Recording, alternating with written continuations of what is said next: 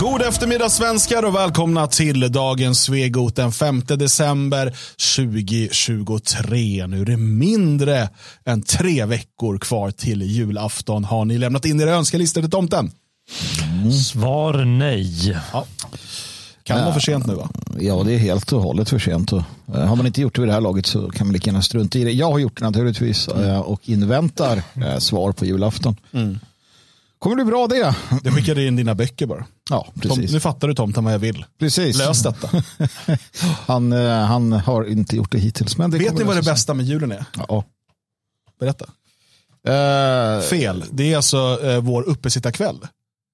Som ju är dagen, kvällen innan julafton. Är det det? Ja, det är det. Ja, det är det bästa med julen. Ja, men det är det. Ja. det, är det. Sen måste man umgås med släkt och sånt där. Ja, ja, var, var ligger det på skalan? Det kommer sen någonstans under. Först, vi är ju er självvalda familj så att säga. Som ni hänger med den 23 på kvällen. Sen är det den där påtvingade familjen den 24. hade vi bara gjort det möjligt så hade vi också den 24 haft dem på halsen. Ja, men då blir den där påtvingade familjen så sur. Ja, jag vet, den blir ju det. Men eh, ja. Det är skönt att man pratar om sin familj på det här sättet. Ja, det är bra att de inte tittar. De lyssnar och inte tittar inte. Nej. Min mamma tror fortfarande att jag har något med antingen Sverigedemokraterna att göra eller Nationaldemokraterna. Jag har hon trott i 20 år nu. Jag vet inte. Vi, vi, ja. Det är ingen idé att försöka förklara. Nej, nej, alltså, så här, man har fullt engagerad motståndsrörelsen och allt möjligt och sådär. Alltså, bara, ja, men ni är Sverigedemokrater. Så här, Ja, nej, men det, ja, det är sant mamma. Jag minns när jag berättade att jag var engagerad i Nationaldemokraterna 2003. Eller så här. Ja, Och så här. Ja, tur att det inte var de där Sverigedemokraterna. i alla fall. ja. Har du rätt i, mor. Det har hänt mycket sedan dess. Mycket vatten har flut, flutit under broarna så att säga. Ja, men Nu har du sagt här, varför gick du inte med Sverigedemokraterna? Det var ju värsta karriären. Ja, jag har ju faktiskt, just det har jag ju hört. Från, jag ska inte säga vem just, men så här, "Åh, vi skulle ha satsat på det där. Bara, jo, Ja, fast... men det var väl när, när vi träffade Jimmy förra veckan, då sa han det. Varför fick du inte med Sverigedemokraterna Magnus? Ja, det var ju så. Fast nu detta är vi, inte sant. Det kan vara sant. Vi skulle inte, det här blir jobbigt när du säger sådana här saker, för jag vet liksom inte hur jag ska reagera nu. Ja, men det är lugnt. Eh, snön har i alla fall kommit och vi är glada. Vi har en timmes eh, program framför oss. Eh, och eh, Det kommer bli riktigt intressant. Vi ska prata om det, det, den påtvingade mångkulturen eller det mångkulturella tvånget. Vi har lite olika exempel eh, på hur det kan te sig. Jag eh, vill passa på att göra reklam för hemsidan detfriasverige.se. Det gör du rätt i och det är inte bara för att du har eh, skapat detta. Monster. Ja, vi får se om det är ett monster för vissa ska det vara i alla fall. För makten som är bör frukta detta, denna innovation. Ja, eh, dels är det så att på detfriasverige.se finns ju massa information om föreningen Det Fria Sverige. Men det finns också dagliga uppdateringar i form av artiklar och så vidare. Och från och med idag så kan man hitta den här säsongen och framåt eh, poddarna ifrån Dagens Svegot. Och, och programmen, tidigare program och så vidare. Det är väldigt lätt i menyn att gå över podcast och sen till Dagens Svegot. Eh, det finns till och med här på första sidan också. Eh, sätt att hitta till det. Så det borde ni klara av, kära vänner. Eh, du kan såklart som vanligt gå in på svegot.se också. Men på detfriasverige.se får du liksom, där samlas allt. Så du får tillgång till eh, poddar, föreningsuppdateringar, eh, artiklar med analyser. Vi har vår butik där du kan beställa informationsmaterial, eh, t-shirtar och annat från föreningen. Anmäla dig till evenemang. Och där vill jag passa på nu att bara säga att vi har ju en del evenemang kvar i år. Och inte minst nu imorgon kväll så har vi ett digitalt medlemsmöte. Så är du medlem, gå in och anmäl dig till det digitala medlemsmötet så att du kan vara med. Vi kommer ha en eh, massa intressant att prata om året som har gått men också om året som kommer. Vilket spännande år det faktiskt är för det fria Sverige. Och sen är det ju eh, nu i helgen då, den 9 december, lördag, då är det julfirande i Skåne. Och där, jag tror att det är sista dagen att anmäla sig idag eller kanske imorgon, men jag tror att det är idag. Så att in på detfriasverige.se, kolla in under evenemang, julfirande i Skåne, anmäl dig dit. Ehm, Det ryktas om att skåningarna kan ha stora nyheter att presentera på denna. eh, På detta julfirande. Det är bara rykten, jag är inte skåning, jag förstår inte allt de säger. Nej, Men det är så jag har tolkat det. Men, men jag tänker att hade jag varit skåning eller om jag hade befunnit mig inom en, en liksom timme, två timmars radie av Skåne och varit en medlem i det fria Sverige. Jag är medlem i fria Sverige men jag är inte där. Så hade jag åkt dit. För att eh, det hade varit fantastiskt trevligt att att, eh, umgås och äta. Jag vet inte vad de äter där nere. Äter de svenskar och eh, sjunger hatfulla sånger om det fria Sverige. Det man kan eh, göra också är att man kan gå in eh, på Det fria Sveriges hemsida under föreningen. Där finns det också lokalt och där kan man läsa uppdateringar från bland annat Skåne. Ja, men du ser.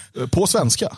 Det, och det är det bästa. Vi var ju tvungna att gå ut hårt som en gammal svensk kung och säga att nej, ni får inte skriva på ert språk. Eh, utan det fick bli en försvenskning. Så att, eh, Så in och bara boka in er på den här julfesten nu. Det är eh, den enda officiella vi arrangerar eh, i år. Eh, så vi som förening. Och det är Skåne. Så att, eh, ta er dit och umgås med andra fria svenskar och skåningar. förvirrat det här. Det är förvirrande. Fria skåningar kan vi kalla dem. Ja, vi får göra det. Men Det även smålänningar skall vara tillåtna har jag hört. Ja, det, det, jag, jag hörde ju att det blev någon form av en gammal konung som på sexårsfesten, han benådade en massa gamla folkfiender. Ja. Ja, Sexårsfesten ska vi inte prata om mer tror jag. Nej, men jag bara säger det att de blev benådade och ni som var där vet, resten vet inte. Ja, och ni vet varför. Just vi, det. vi står ut med dem ett tag till. eh, jag ska också säga att innan vi drar igång då, på fredag, då släpper vi en podcast för eh, stödprenumeranter. Eh, och den vi släppte förra fredagen blev ju väldigt uppskattad, har fått väldigt fina eh, eh vad säger man, hejarop och kommentarer. Eh, och då gick vi igenom Socialdemokraternas eh, rapporter, de här fyra underlagen för deras politik till 2030 eh, och, och synade det i sömmarna. Nu på fredag så ska vi syna någonting annat, nämligen jag tror att många har sett den här nyheten. Åtta av tio ensamkommande jobbar. Eh, Anders Lindberg skrev vi borde ta emot fler ensamkommande. Det är en vinst för Sverige.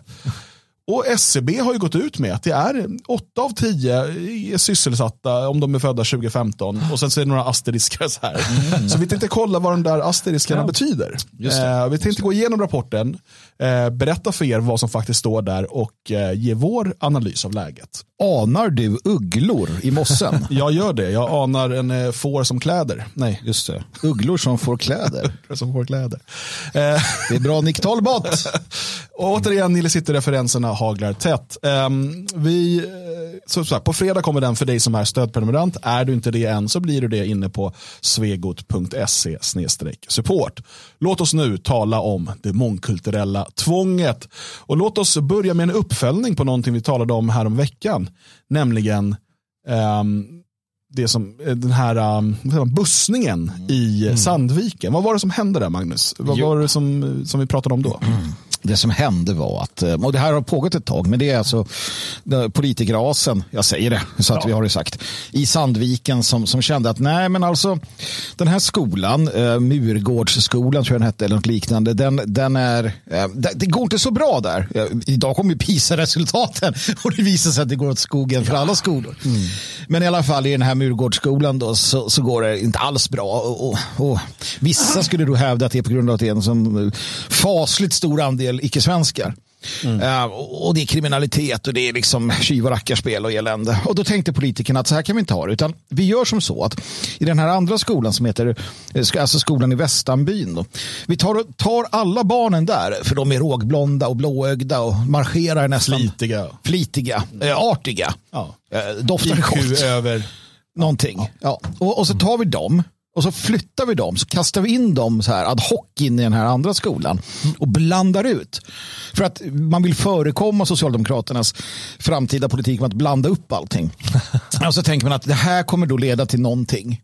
Jag tror inte ens man har liksom reflekterat över vad det ska leda till. Utan, Ja, man, man påstår ju att det här kommer, göra, det kommer bli bättre för alla. Ja, ja. Det, det, det har de sagt eh, klart och tydligt. Och när du säger eh, politiker ska jag säga att det är, det är faktiskt centerpolitiker, det är socialdemokrater, det är vänsterpolitiker och någon eh, stackars liberal som hamnar i smeten där. Det är de som ligger bakom det här. Vänta nu, Men vänta nu, vänta nu. Och de påstår i debattartiklar så påstår, inte om det var centerpartister eller socialdemokrater som påstår påstår att eh, nej men det är inga andra förslag som har kommit in men det har funnits förslag att bygga ut den andra skolan och att det skulle vara då problemet och det är därför de bussar.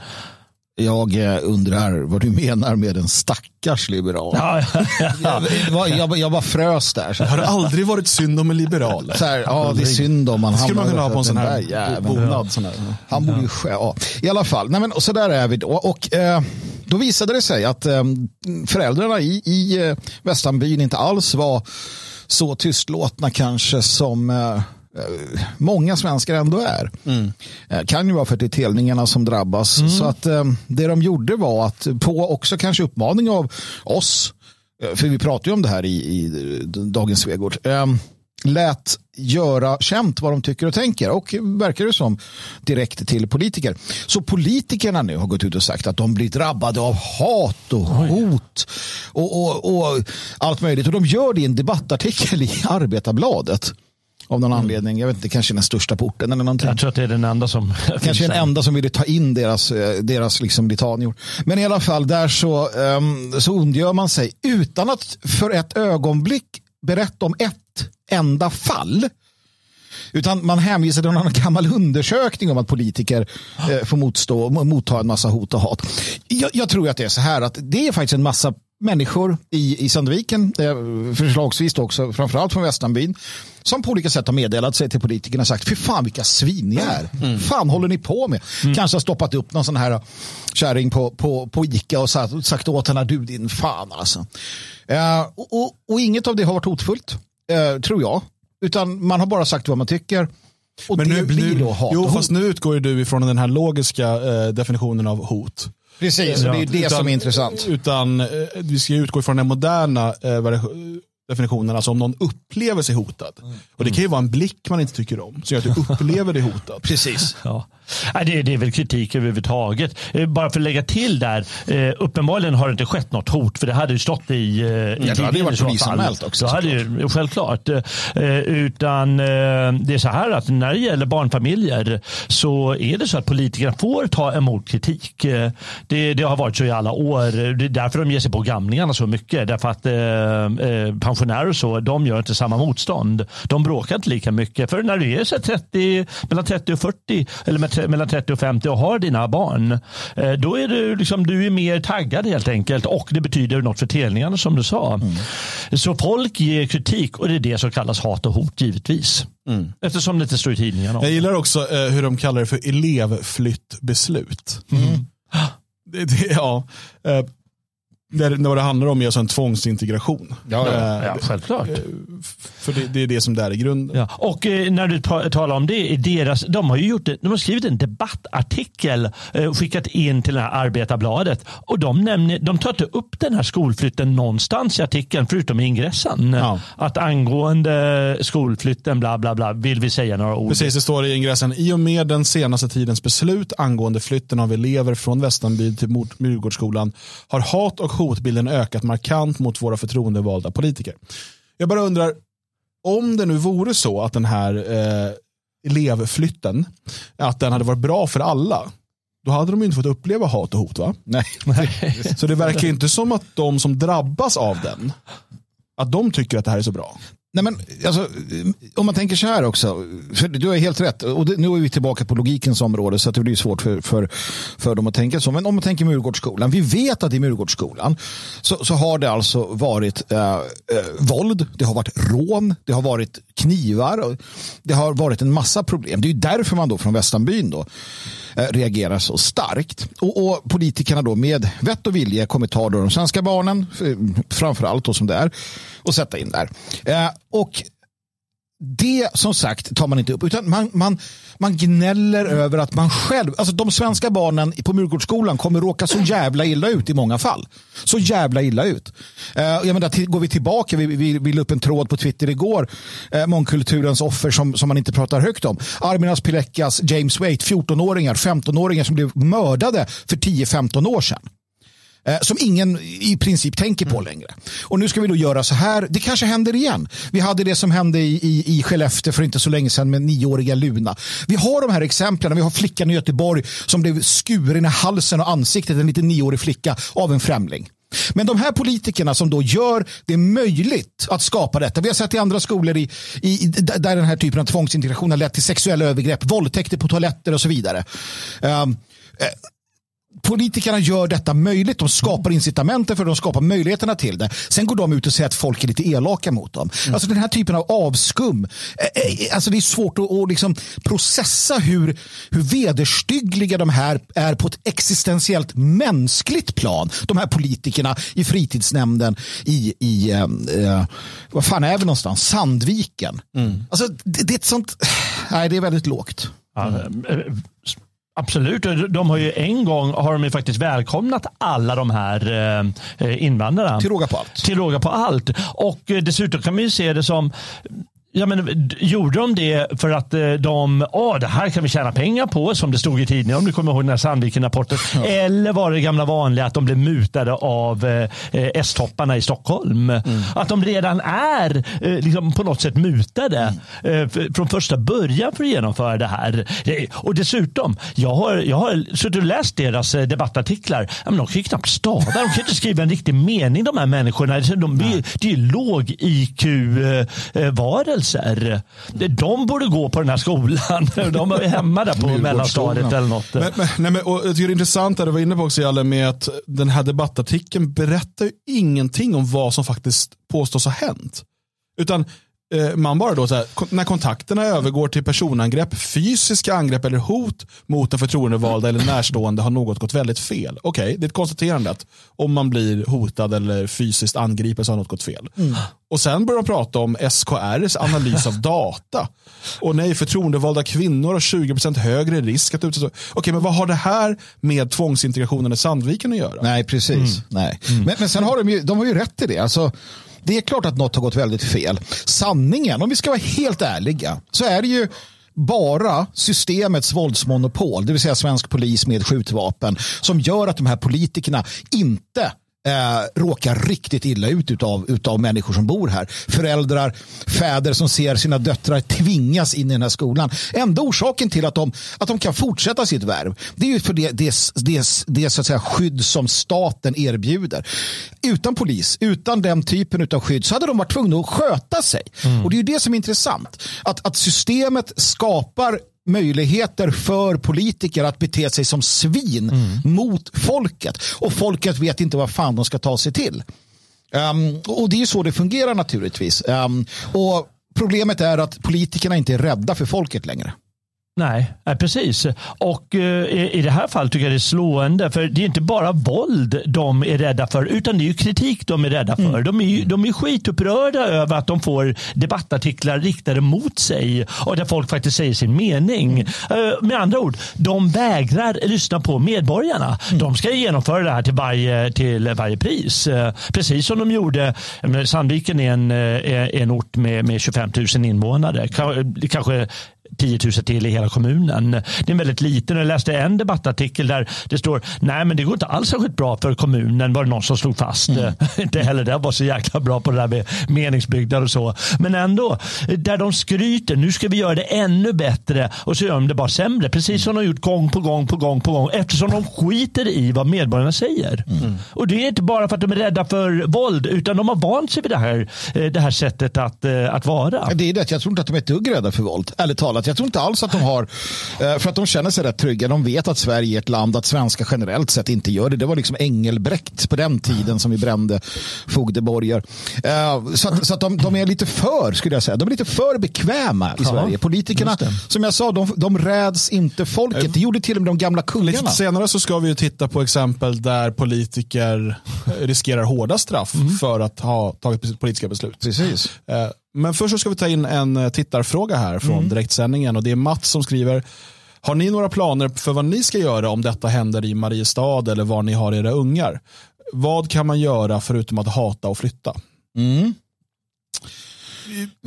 okay, om något sånt här skulle ske där mina barn går i skolan så skulle jag såklart protestera, eh, kontakta med ansvariga, politiker.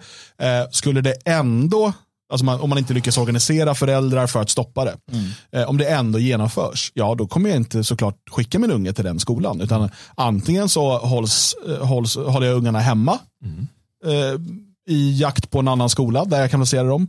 Eh, eller om jag inte hittar någon annan skola, då håller jag dem hemma. För jag tänker inte skicka dit dem, jag tänker inte gå med på detta spel. Eh, ja, vi har skolplikt i Sverige, men det finns också väldigt många hemmasittare i Sverige. Mm. Och det finns många sätt att eh, göra det på. Man ska självklart vägra spela med och man bör eh, ta kontakt med andra föräldrar i klassen, i skolan mm. eh, för att se till att så många som möjligt vägrar gå med på detta. Eh, I bästa fall kan man få dem att stoppa de här planerna. Man lyckas bilda tillräckligt med opinion så att de är rädda att de inte blir omvalda.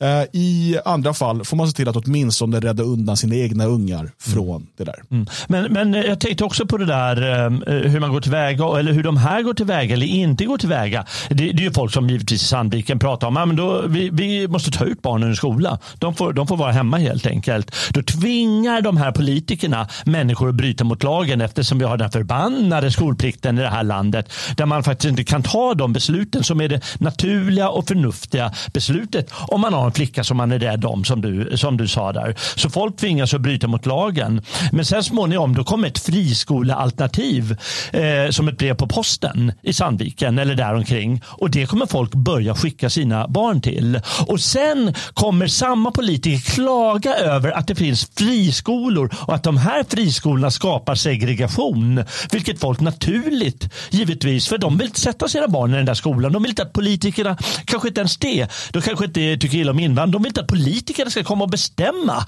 bara att nu ska du flytta dina barn för det tycker vi är bäst. Mm. De vill inte veta av det och då blir det ett friskolealternativ. Men sen pratar samma politiker skit om friskolan och så bara rullar det på med sån eh, helt idiotisk grej bara för att de beter sig som skit. Det är också intressant, vi har ju en eh, liknande, det går inte att kopiera exakt, men, men det finns en liknande situation just nu i Örebro kommun. Mm. Eh, där man nu stänger ner två stycken mindre populära skolor, nästan så här byaskolor liksom, mm. alltså, som är väldigt svenska då. Och så ska alla in i en stor sån här central skolbyggnad eh, med, med mångkultur. Eh, och där det är ganska kul att följa Marcus Allard just nu. För att han i Örebropartiet eh, och eh, jag tror även Sverigedemokraterna eh, och så är det något parti som är, eh, inte har bestämt sig. De är ju emot det här. Eh, men i media är liksom allt ifrån då SVT Örebro till um, Eh, vad Nerikes Allehanda eh, som är lokaltidningen. Eh, då skriver man bara, man skriver inte att det finns partier som är emot detta. Mm. Man skriver om att, att det är liksom folkligt missnöje och folk är arga, men politikerna har beslutat. Lalala. och Allard är alltså inne på Facebook under de här nyheterna på deras den här tidningens och SVTs nyheters egen sida skriver, varför berättar ni inte att det finns partier som är emot? Mm. Och då får han svar, ja det kanske vi borde ha gjort. Ja, du har rätt, det vore nog rimligt. Men uppdatera artikeln då? Nej. Nej. Så alltså, det finns ju också det här samarbetet mellan media media och, och de etablerade partierna mm. i att det här ska genomföras. Mm. Och folket ska inte få veta att de kan liksom förändra det. Nej. Eh, men eh, eftersom det inte går att lita på media i det här fallet så är det enda sättet det är faktiskt att kontakta eh, de här politikerna själva eller göra sig hörd på något sätt. Och du sa att folk inte är rädda, eller de här politikerna är inte rädda för våld, men de tycker att det är obehagligt när de får mothugg. De tycker mm. det är jävligt obehagligt och det är därför de, de, de urskuldar sig på det här sättet. Så, gå direkt på de här politikerna och eh, man, man kan göra som Magnus säger, att vara otrevlig i eh, ICA-kassan. Men man kan också bara skriva brev till dem och säga det, det är ett jävla sätt det här. Och de tycker att det är obehagligt. Alltså, I grund och botten så måste politikerna förstå att det finns en gräns som de inte får passera. Eh, mm. och då, för att när de passerar den så spelar det ingen roll. Då är det slut på snacket. Um, det måste finnas en sån förståelse. Det måste finnas en sån uh, medvetenhet. Sen måste det finnas, för att svara på frågan, uh, så vill jag säga att det är bättre att förekomma än att förekommas. Uh, bästa exemplet är Lestadianerna i, någonstans uppe i Norrland. De var så många. De var så många koncentrerade till ett så litet område. Uh, att det, den skolan som var i närheten var deras och det var inte mer med det. Ja, och, och det, det, är det ena sättet. Det andra sättet är som muslimerna gör. Mm. De startar egna friskolor. Ja. Mm. Eh, och så ser de till att eh, liksom ögon, med, som ögontjänare då säga ja vi följer skolplanen och så vidare. Eh, och eh, det kanske är svårt i Sandviken där men i, i, lite större städer, låt oss säga 50 000 invånare och uppåt, eh, där, där ställer eh, familjer, de som är lite medvetna om situationen, de sätter sina barn i kö från födseln mm. För, till gymnasieskolan pratar jag här nu. Fattar ni? 16 år för att de ska, det de tror tror kommer vara en vettig skola. Eh, en friskola i det här fallet som de vet har rykte av sig att inte ta in sådana och elever. Absolut. Problemet är bara att de som gör det, det är pissliberalerna och en, en vit feg jävla medelklass vars barn, jag, liksom, deras framtid blir att invaggas i samma skit för att de söker sig till att rädda sig själva. Uh, det finns inte en tanke hos den här jävla vita medelklassen att göra någonting gemensamt. Så att visst, alltså bor man på ett sånt ställe och lägger in dem där, absolut, då kommer ju de klara sig, men samhället i stort kommer inte förändras. Så det är det jag menar att med tanken på att vi då eh, se till att skapa ett svenskt område, ett svenskt samhälle, en svensk liksom, eh, plats. Där kan vi då också sätta eh, sätta en ny standard. Och det är det jag ser när, på, som de här i Sandviken. De borde ha tänkt för länge sedan på vad fan som händer med det här landet och så vidare. Det är inte för sent ännu utan nu får de väl bara börja eh, skapa, eh, antingen då skapa den typen av svenskt eh, område där och börja arbeta. Det kommer de inte göra för de kommer ju rösta på Sverigedemokraterna i nästa val, möjligtvis. Um, så att det är fortfarande det problemet och där måste vi bara visa uh, framfötterna och visa att det går. Mm. Så att, uh, ja. Jag tycker att det var intressant uh, den här nyheten om att viljan att återvandra bland utlänningar är betydligt större än man tidigare har trott. Ja, verkligen. Och, um, det är alltså då en, en enkät som har genomförts av en frivilligorganisation som heter CLDD, Center for Local Development and Diaspora.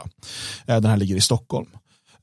Och det man då har man då frågat tusentals, jag tror att det är då över 2000 så kallade migranter. Mm. Och det visar då att utav de, svar, de här tillfrågade, över 2000, så är det 40 procent som svarar att de skulle vilja återvända till sitt hemland, antingen nu direkt mm. eller så snart det bara är möjligt. Kanske mm. när kriget är slut eller vad det nu är. Så snart det är möjligt. Det här tyder ju på, om, om vi säger att den här siffran gäller för liksom alla första generationens migranter från, från tredje världen, då pratar vi ju hundratusentals människor mm. som frivilligt vill återvända till sitt hemland. Och jag skulle nog säga att det stämmer ganska väl överens med liksom bara min empiriska kunskap om liksom när man har träffat eh, invandrare på arbetsplatser eller ja. i privatlivet eller sådär. Eh, alltså första generationens framförallt då. Som säger att ja, men egentligen vill jag ju hem till var man nu kommer ifrån. Mm. För det är hemma liksom. Mm. Eh, det, där, det, är ganska vanligt. Och då kan man undra, sig, men varför återvandrar de inte då? då? Mm. Och Eh, när det då kommer fram att Migrationsverket har då haft ett arbete för att eh, informera om frivillig återvandring och de stöd man kan få, för att kan ju få pengar för att återvandra. Eh, så har man då skapat ett arbete där man bjudit in alla kommuner. Eller många kommuner åtminstone. För att informera om det här arbetet då, hur, hur, och hur kommunerna ska kunna samarbeta. Mm. För att hjälpa migranter i deras kommun att återvandra. Och av alla de kommuner som var där så var det bara en, Valdemarsvik, som inledde ett samarbete med Migrationsverket. Gabriella Palmén, integrations och migrationssamordnare i Karlskoga, hon var på konferensen. Mm. Och hon tycker inte att, eh, hon vill inte att de ska samarbeta med Migrationsverket. Hon säger så här, är det verkligen rimligt att lägga skattepengar på att hjälpa fler människor att lämna landet? Vårt fokus är att, ta, att nya invånare ska må bra och vilja stanna här, inte att de ska återvandra. Men visst, vi i kommunerna skulle kunna bli bättre på att informera om de stöd som finns för återvandring. Um, ehm, 85 procent av de som svarar på den här undersökningen känner sig hemma i hemlandet och inte i det land de flyttar till. Alltså de känner sig mer hemma i sitt hemland än de gör i Sverige. Mm. Helt naturligt. Men vad är det här? Det, vi pratar här alltså om att bara migrant, vi måste också tänka så här att är man ny i Sverige eller bara varit här kanske fem år, tio år, du har inte lika bra koll på hur systemet funkar, du, du tar inte del av officiella kanaler på samma sätt som, som vi gör. Och speciellt inte vi som är intresserade av de här frågorna. Det måste man ju veta. Men det här, får vi tro den här webbenkäten, får vi tro eh, det här så, så är det alltså hundratusentals som vill återvandra. Mm -mm. Men kommunerna arbetar aktivt för att inte informera dem. För de vill ju ha fler kommuninvånare. För det betyder ju mer pengar i, i, i eh, omfördelningen av skattepengar via den statliga skatten och omfördelningssystemet och så vidare. Mm. Sen finns det i grunden en, en, en jävligt uh, otrevlig människosyn. Vi pratade om det här för många, många år sedan. Jag minns vi lyssnade på någon av de här EU-parlamentarikerna som satt och pratade om att alla invandrarna som kom till Sverige att de skulle liksom få det så bra att de skulle aldrig återvända hem och vi skulle ge dem permanenta uppehållstillstånd direkt. Och så. Då pratade vi om det här och sa det, att, att det här visar ju prov på en otroligt eh, sunkig människosyn. Och jag menar, Gabriella Palmén här, hennes, hennes idé är ju att Sverige är liksom det upphöjda liberala paradiset. Alla vill vara här, alla behöver vara här, alla behöver det vi har. Mm. Hon kan inte för sin själ förstå att en somalier ändå trivs bäst i Somalia. Mm. Med, med all den somaliska kontexten. Mm. Men menar, för att hon tittar på det och tänker, fy fan, där har de skitit och jävligt och de har inte medicin. Och hon, hon, hon förnedrar ju Har ni ens fackförbund? Hon, hon ser ju utlänningar färgade människor och allting. Hon ser dem som mindre värda, mindre förståndiga, helt okunniga. Ja, de ska få upphöjas till svenskar. De ska upphöjas till svenskar. Mm. Medan vi som svenska nationalister ser att det är självklart att man trivs bättre med sina egna i sitt hemland, att man ska få chansen att återvända. Att flyktingstatus är just flyktingstatus. Man hjälper sina medmänniskor mm. när de har det jobbigt, sen får de åka hem.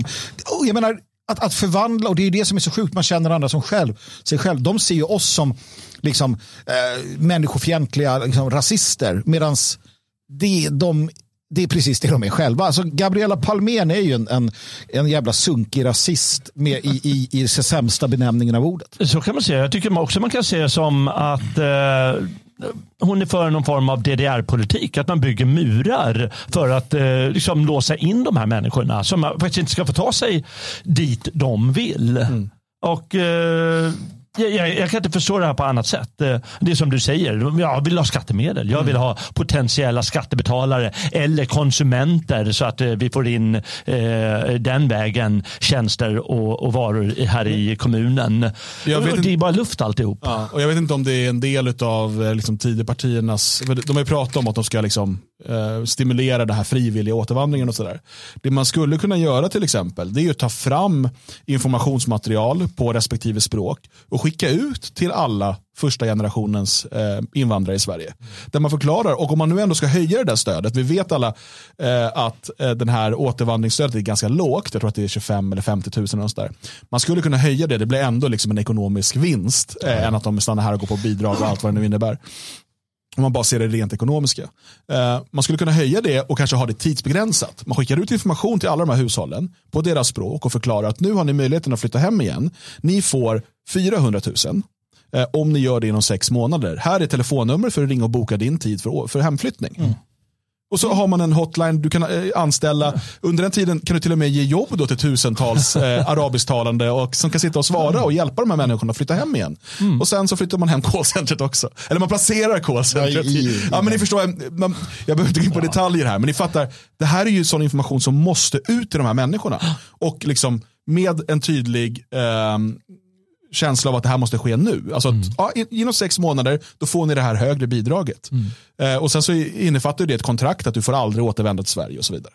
Eh, det kan ju vara så att, eh, som vi pratade i förra segmentet om att, eller jag i alla fall, att de här är lite mutade känns det, politikerna i Sandviken eh, från de centrala eh, sossarna i Stockholm. Mm. Så kan det vara likadant här. Att det här är ju faktiskt någonting som eh, vissa partier kämpar väldigt mycket för, för att få ett röstningsklientel. De vill ju inte bli av med det. Och antagligen, det är mycket möjligt att Gabriella Palmén tillhör den eh, falangen inom mm. politiken och eh, jag ska säga, det byråkratiska Sverige.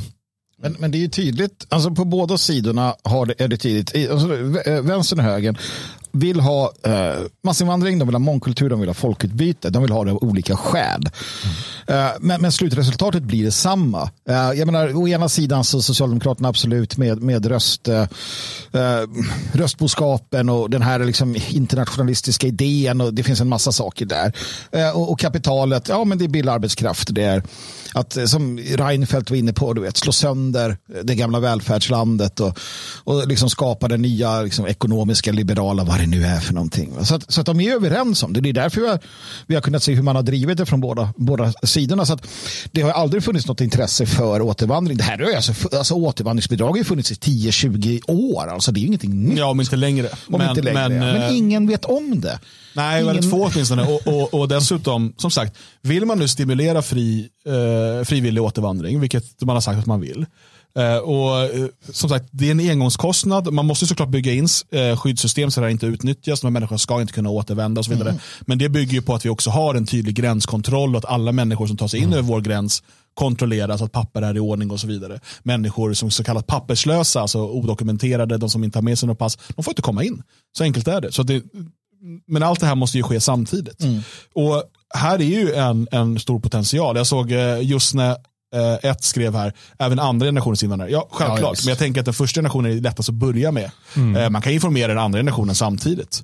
Ja, alltså fördelen är att människor är kortsiktiga. Va? Så att jag kan tänka mig också att tredje generationen, om man säger så här, men hör du, Ahmed, tredje generationen, du får två millar om du drar. Ja, ja, och, och då tänker jag så här, ja. två miljoner, ja. fan det är mycket hemma i Irak. Och så drar man, sen så, det var inte så jävla mycket ändå. Eh, men det, det, är inte vårt problem längre. Så att jag tror definitivt på att köpa oss fria är en jättebra idé. Ja, vi kan ja, pressa ja. mer pengar bara. Det är bara tryck på knappen. Det har gjorts lite olika sådana där undersökningar där, alltså vad kostar en sån här invandrare under en livstid i Sverige? Mm. Eh, och det har liksom hamnat med allt mellan 5 och 15 miljoner. Mm. Så allt under det mm. är ju liksom en ekonomisk investering. ja, det är det verkligen. Eh, men inte nog med det, utan sossarna har själv gått ut med en, eh, en rapport här om hur mycket språket betyder och i det resonemanget ingår det att det är väldigt väldigt, väldigt många invandrare som inte har lärt sig språket på en, nästan en livstid.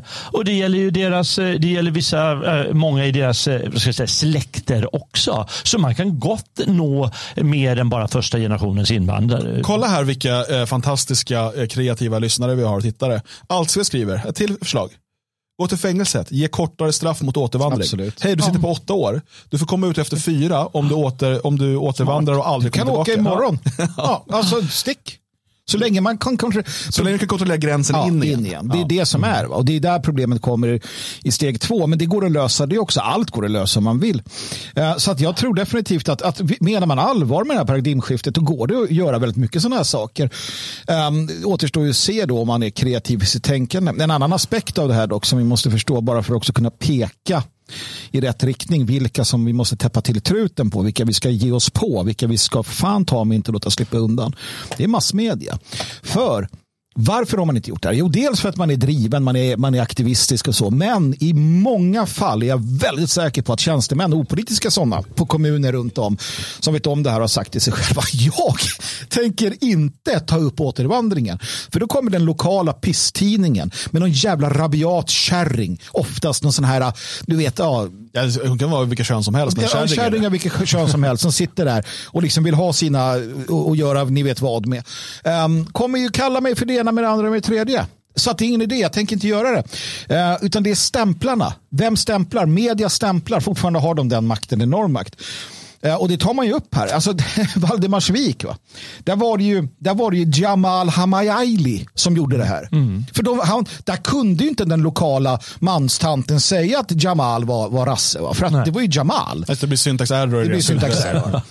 um, så att, du är en av de goda, det hör mig på ditt namn. Precis, precis. Eh, så att eh, där måste, alltså lokaltidningarna Uh, har ju ett jättestort ansvar i det här. Det ska man nog komma ihåg. Uh, när man känner, om man känner för ett tjäder och fjädra en, en sådär helg så, så ska man nog tänka kanske så. Uh, även om man bara ska tänka och inte göra det. Självklart. Vi tänker, vi det man inte har tänkt kan man heller aldrig göra. Precis, så se till att tänka på mycket. Det är därför jag är för så här, romaner med väldigt ingående sexscener. Ja, det också. I förberedelse. Måste tänka först. Tänk först, kanske gör sen. Om tillfälle ges. På tal om, för att vi pratade det mångkulturella tvånget, vi pratade tvångsintegrationen i Sandviken. Vi pratade, alltså jag ser det som ett mångkulturellt tvång det här med att kommunerna Alltså inte ens när Migrationsverket ligger på, att de då informerar migranter som faktiskt vill hem, att de kan återvända. Um, så att det är också ett typ av tvång, ett tvång för att ha kvar dem. Och sen har vi då eh, det som vi har hört eh, ifrån Staffanstorp här eh, under eh, veckan. Och det eh, rör sig då om eh, Christian eh, Sonesson eh, som är då eh, kommunalråd i Staffanstorp, som eh, nu tillsammans med eh, hela kommunstyrelsen eh, förhörs i en eh, förundersökning angående grovt tjänstefel. Vad är det han har gjort, denna Sonesson? Vad är det för grovt tjänstefel han har gjort nu? Ja, alltså det här blir ju väldigt, eh, väldigt patetiskt eh, i grundutförandet. Han är alltså anmäld, de är anmälda av ett flertal personer. På tal om det här med stämplar och vem som driver det här. Eh, eh, det man gjorde var att man vägrade att ta emot, så vitt jag förstår, en familj Ja. på en flygplats. Man är inte skyldig att hämta människor. Men där stod familjen någonting från någonstans. Och Christian Sonesson eh, sa tillsammans med sina eh, kamrater att det där får de väl klara själva. Eh, faktum var att de klarade ut det där ganska bra själva. Det var någon annan kommun som drog dit och så vidare. Så det var ingen skada skedd. Va? Men den familjen, helt nyanländ, kunde inte ens språket. Dagen efter vet ni, gick de in och anmälde långa fina listor, anmälningar, hänvisningar till exakt den och den paragrafen. Det här har vi drabbats av. För det finns ju ett helt nätverk av avskum, av, av folkförrädare, överlöpare. Som, som, Skattefinansierade. Precis. Dessutom. Som ägnar sig åt att bara göra sånt här. Va? Och vi skrattade väl alla lite i mjugg och tänkte, inklusive Sonesson, att det här kan de göra på med.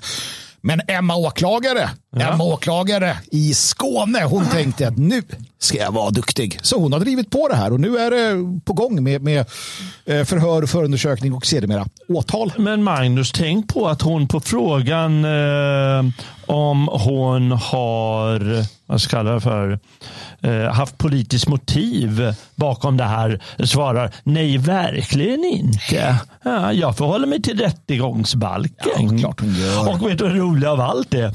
På, på frågan om när, när Sonesson, eller hans jurister kanske, jag vet inte, säger att det här borde vara ett förvaltningsärende. Då säger hon, "Äh, det förstår jag inte vad han menar ens. Vadå förstår inte vad han menar? Var du inte jurist nyss? Nej, för så är det ju normalt. Så här, politiska beslut ska ju eh, förhandlas, eller behandlas i förvaltningsrätten och så vidare.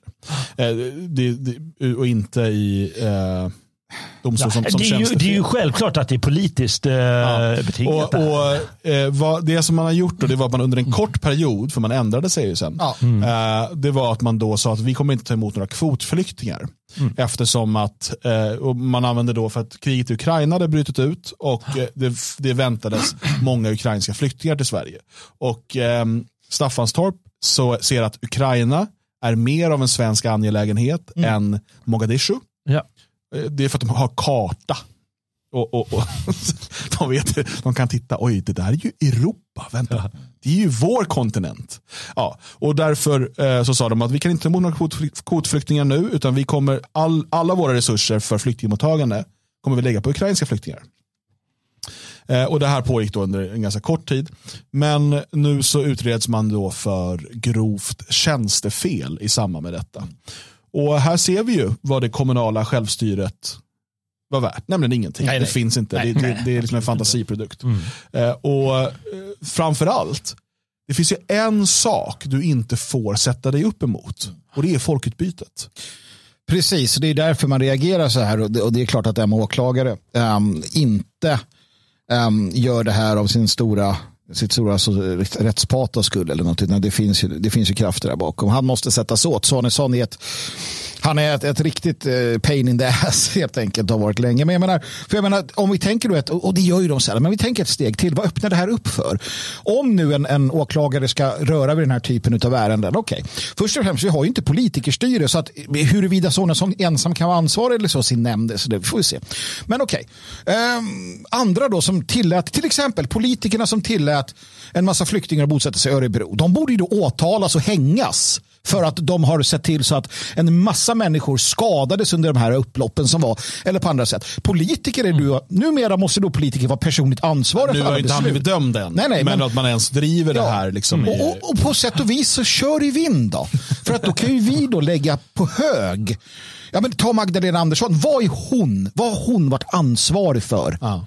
Ja men du vet, det blir mycket till folkdomstolen. Jaha, det blir det. Är det så man vill ha det? Är det den dörren man vill öppna? Och du tar ju upp det i, i din eh, text på Det fria Sveriges hemsida. Hur det har sett ut i andra länder och vad fan man ställer till med när man börjar på det här sättet.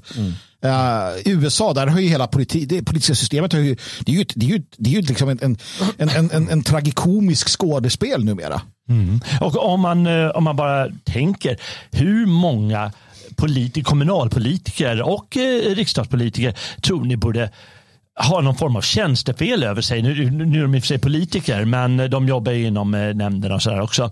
Mm. Eh, att, eh, det är otaliga som borde ha sätta dit för någon form av tjänstefel. Och eftersom det, det, det, märks ju inte i tidningarna där så är det uppenbart att det här är politiskt. Annars hade det varit hur vanligt som helst som du säger, både till höger och vänster att drabbas av de här tjänstefelsärenden. Mm.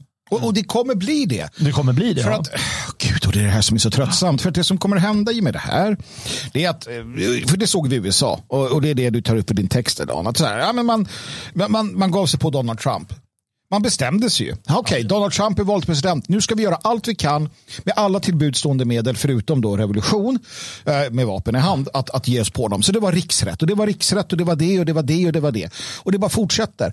Um, och, och sen då så uh, har man då svarat med samma mynt, Biden, ja, vi ska ha riksrätta dig, vi ska göra det och det ska och, så, och det här kommer ju bli samma sak här. Mm. Och det här är ju en del av den fördumningsstrategi, en del av den så kallade lawfare uh, som, som det handlar om. Och det var ju därför Magdalena Andersson och Bodin drog till Demokraterna i USA och lärde sig det här ska vi göra. Och nu ser vi det implementeras. Mm. Den där jävla människan. De där jävlarna alltså.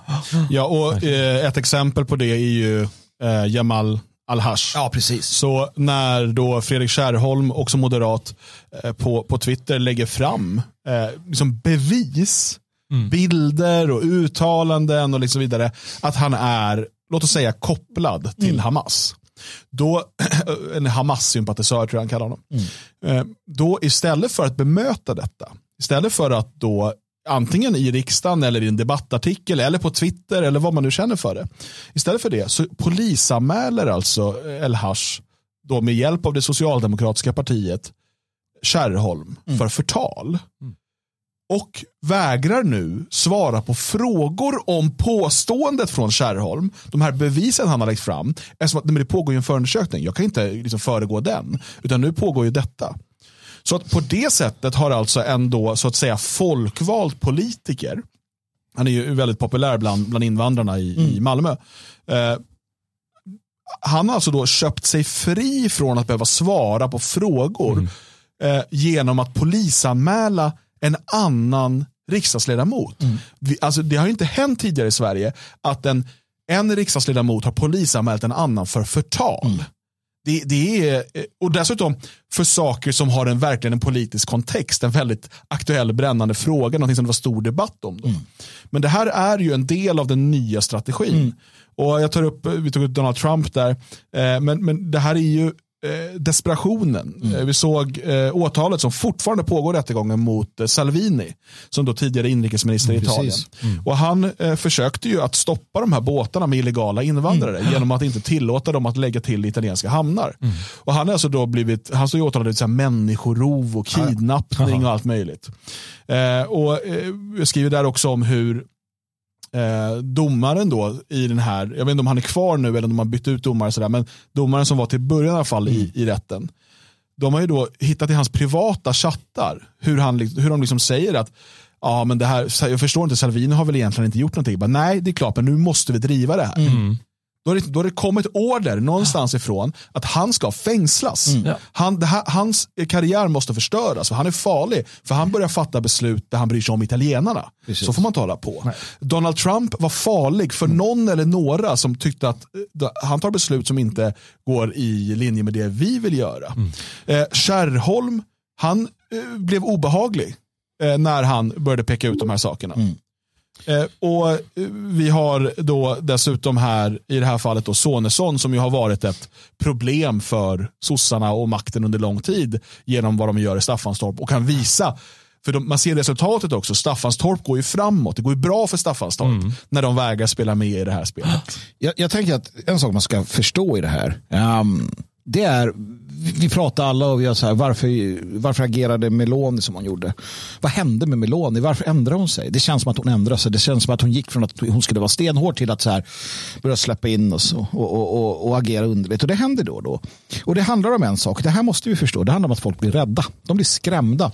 Alltså, när, du, när du försöker hitta en ledare eller en person att följa, någon att, att ta rygg på, någon som ska vara lite av en sån här riktpunkt i ditt liv när det kommer till politik och eh, hur, hur alltså sådana här saker.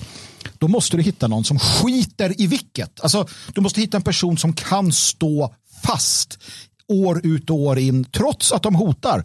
Vad har Meloni blivit hotad med från de olika grupper som finns i alltså klandestina grupper, maffian eh, och liknande? Vi vet inte, men tydligen så någonting. Och här ser vi det på ett annat sätt. Här görs det öppet. Sonesson hur ska han orka?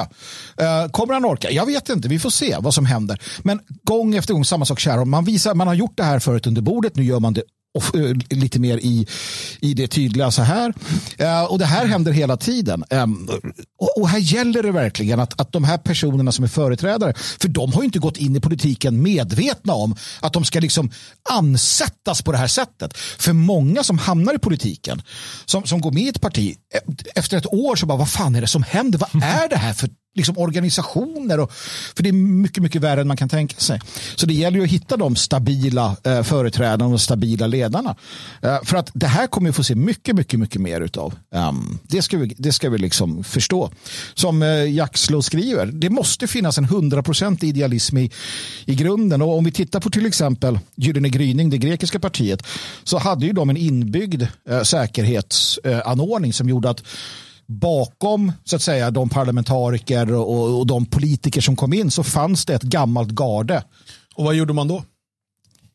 Man förbjöd dem. Man förbjöd dem. För de var på riktigt. Man fängslade, eh, precis, man, man fängslade eh, hela ledningen eh, på långa först, det tog ju flera år av eh, liksom, medans förundersökningen pågick. Ja. Eh, så hade de alltså husarrest. Ja. Antingen fick de inte lämna sina hem och vissa fick vissa fick lämna sina hem men inte lämna sin kommun eller sin stad. Mm. Eh, och sen så då dömdes de till, vi pratar 8-10 års fängelse. Eh, mm. något i den stilen. Det är alltså mm. helt absurda mm. fängelsestraff. Och menar man, nej men ni, nu är ni en kriminell organisation. Mm. Eh, och ja. Och det här, eh, det här visar ju när makten blir desperat och tar de till sådana här metoder. Men och det här är ju någonting vi återkommer till många gånger förut. Man kommer se till att ha lagarna på plats mm. för att kunna göra detta och sen kunna hävda att det här har skett i demokratisk ordning, det är liksom lagligt och så vidare. Eh, det är därför vi stretar emot de här idéerna om till exempel organisationsförbud. Mm. Även om jag är övertygad om att under det första året, kanske till och med första årtiondet, så kommer det användas för att stänga ner islamistiska föreningar, eh, moskéer och så vidare. Mm. Men vad händer eh, när den typen av förbud finns? Därför en sån lag måste ju vara utformad så att den bara riktar in sig på då till exempel islamister. Mm. Om, den, om det är en uppluckring av föreningsfriheten, vilket man ju talar om idag, då kommer den kunna användas också mot en politisk opposition. Eh, nu, det man talar om i dagsläget är ju då att det ska vara olagligt att vara medlem i en terrorklassad organisation. Och Då är frågan, vem äger makten över att terrorklassa organisationen? Och vad finns det för kriterier för det? Precis. För då är det ju så att den som äger makten att terrorklassa en organisation, till exempel som att man då sa att Gyllene gryning är en kriminell organisation kallar man det då. Om man då har möjligheten att terrorklassa en organisation, då har du också möjligheten att förbjuda medlemskap i den organisationen. Och därmed eh, ja, och så vidare. Ja, och se då, bara för att ni ska förstå, kära tittare och lyssnare, hur hur, hur det kan sluta. Uh, den musikaliska ensemblen Lanser Mm. En, en, en musikgrupp i Tyskland. En orkester. En orkester. en musikgrupp som framförde musik blev terrorstämplad. Ja, kriminell organisation. Kriminell organisation, ja, ah, okay. det, var, det, var, det var snäppet under. Ja. Ja, de gör en sång om det, terrorister med elgitarrer. Ja. Eh, men alltså en, en, en, en musikgrupp som sjunger politiskt inkorrekt musik blir kriminellt klassificerad och, och därvid lag fängslade Förbjudna. och får inte eh, fortsätta med sitt värv. Så blir det. Alltså en, en musikgrupp. Eh, din jävla kör blir så här stämplad som, äh, men ni är ju terrorister. Ja, ja, men, eh, de, de har i stort sett eh, försöker åstadkomma det med det vi började med, nämligen hat och hot. Nämligen att framföra helt legitim vanlig kritik. Det hat och hot klassas och då blir du kriminellt belastad. Ja, ja. Och, och det är de... ju målet. Det är hela tiden målet att förhindra en, i det här fallet lite grövre, Salvini som såsom minister kan gå lite, lite mer hårdhänt till. Men ända från vanliga medborgare upp till Salvini eller Gyllene gryning. Mm. Det ska förbjudas mm. om de går emot direktiven. Och jag menar, går tillbaka ett par hundra år. Uh, och så bara frågar vi skottarna, hur kändes det när britterna förbjöd er till att göra vad? Jo, sjunga sina sånger, mm. spela sina instrument, ha sina kläder. Alltså det är så här de har betett sig i alla år, i alla historiska perioder. Förbjud ditten och datten. I Sovjet, ja men vadå, du är ju Litau, du får inte gifta dig med en Litau. Du ska gifta dig med en rysk och ni ska sjöngs det inga estniska folksånger, de är förbjudna. De blir förbjudna. Mm. Och, och, hela liksom, den estniska frihetsrörelsen drar igång genom eh, de här sångerna och sångfestivalerna. Mm. Alltså det är det här de jobbar med.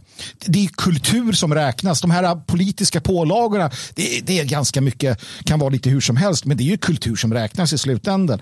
Um, och, och det måste måste man också förstå för att förstå vart vi måste slå in kilen, vart vi måste säga hit men inte längre. Och vi är verkligen äh, där nu, äh, där hit men inte längre utan tvekan är, är giltigt. Mm. Äh, så, mm.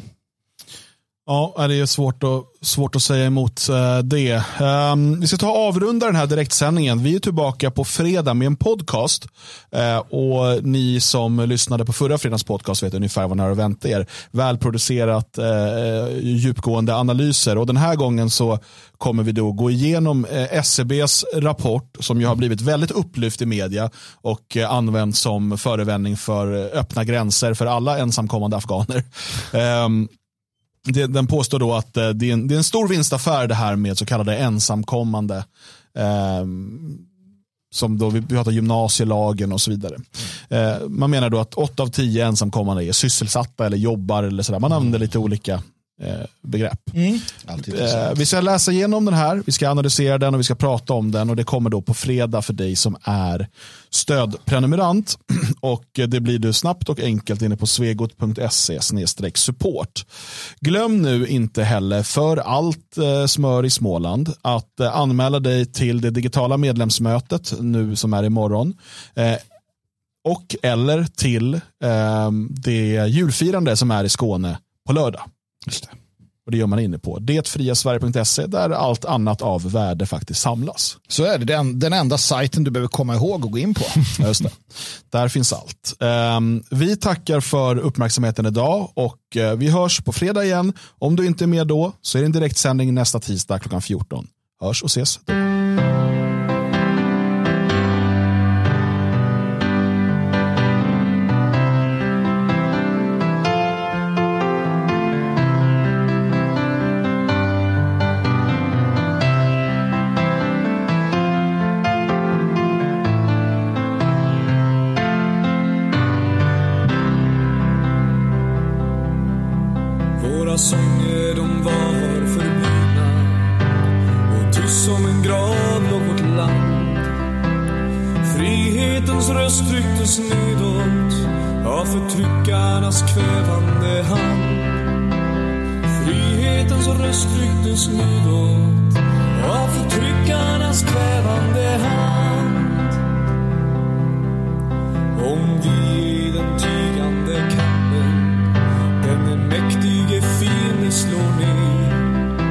Då kommer det åter att klinga.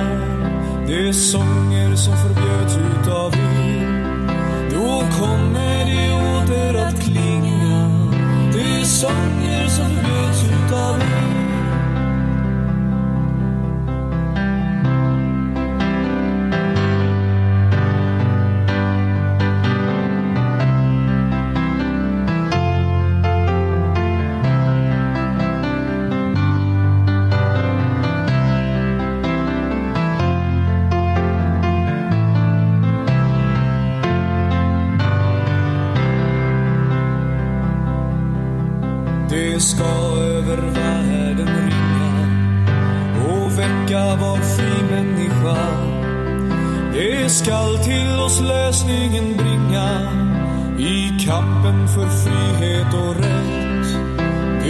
skall till oss lösningen bringa i kampen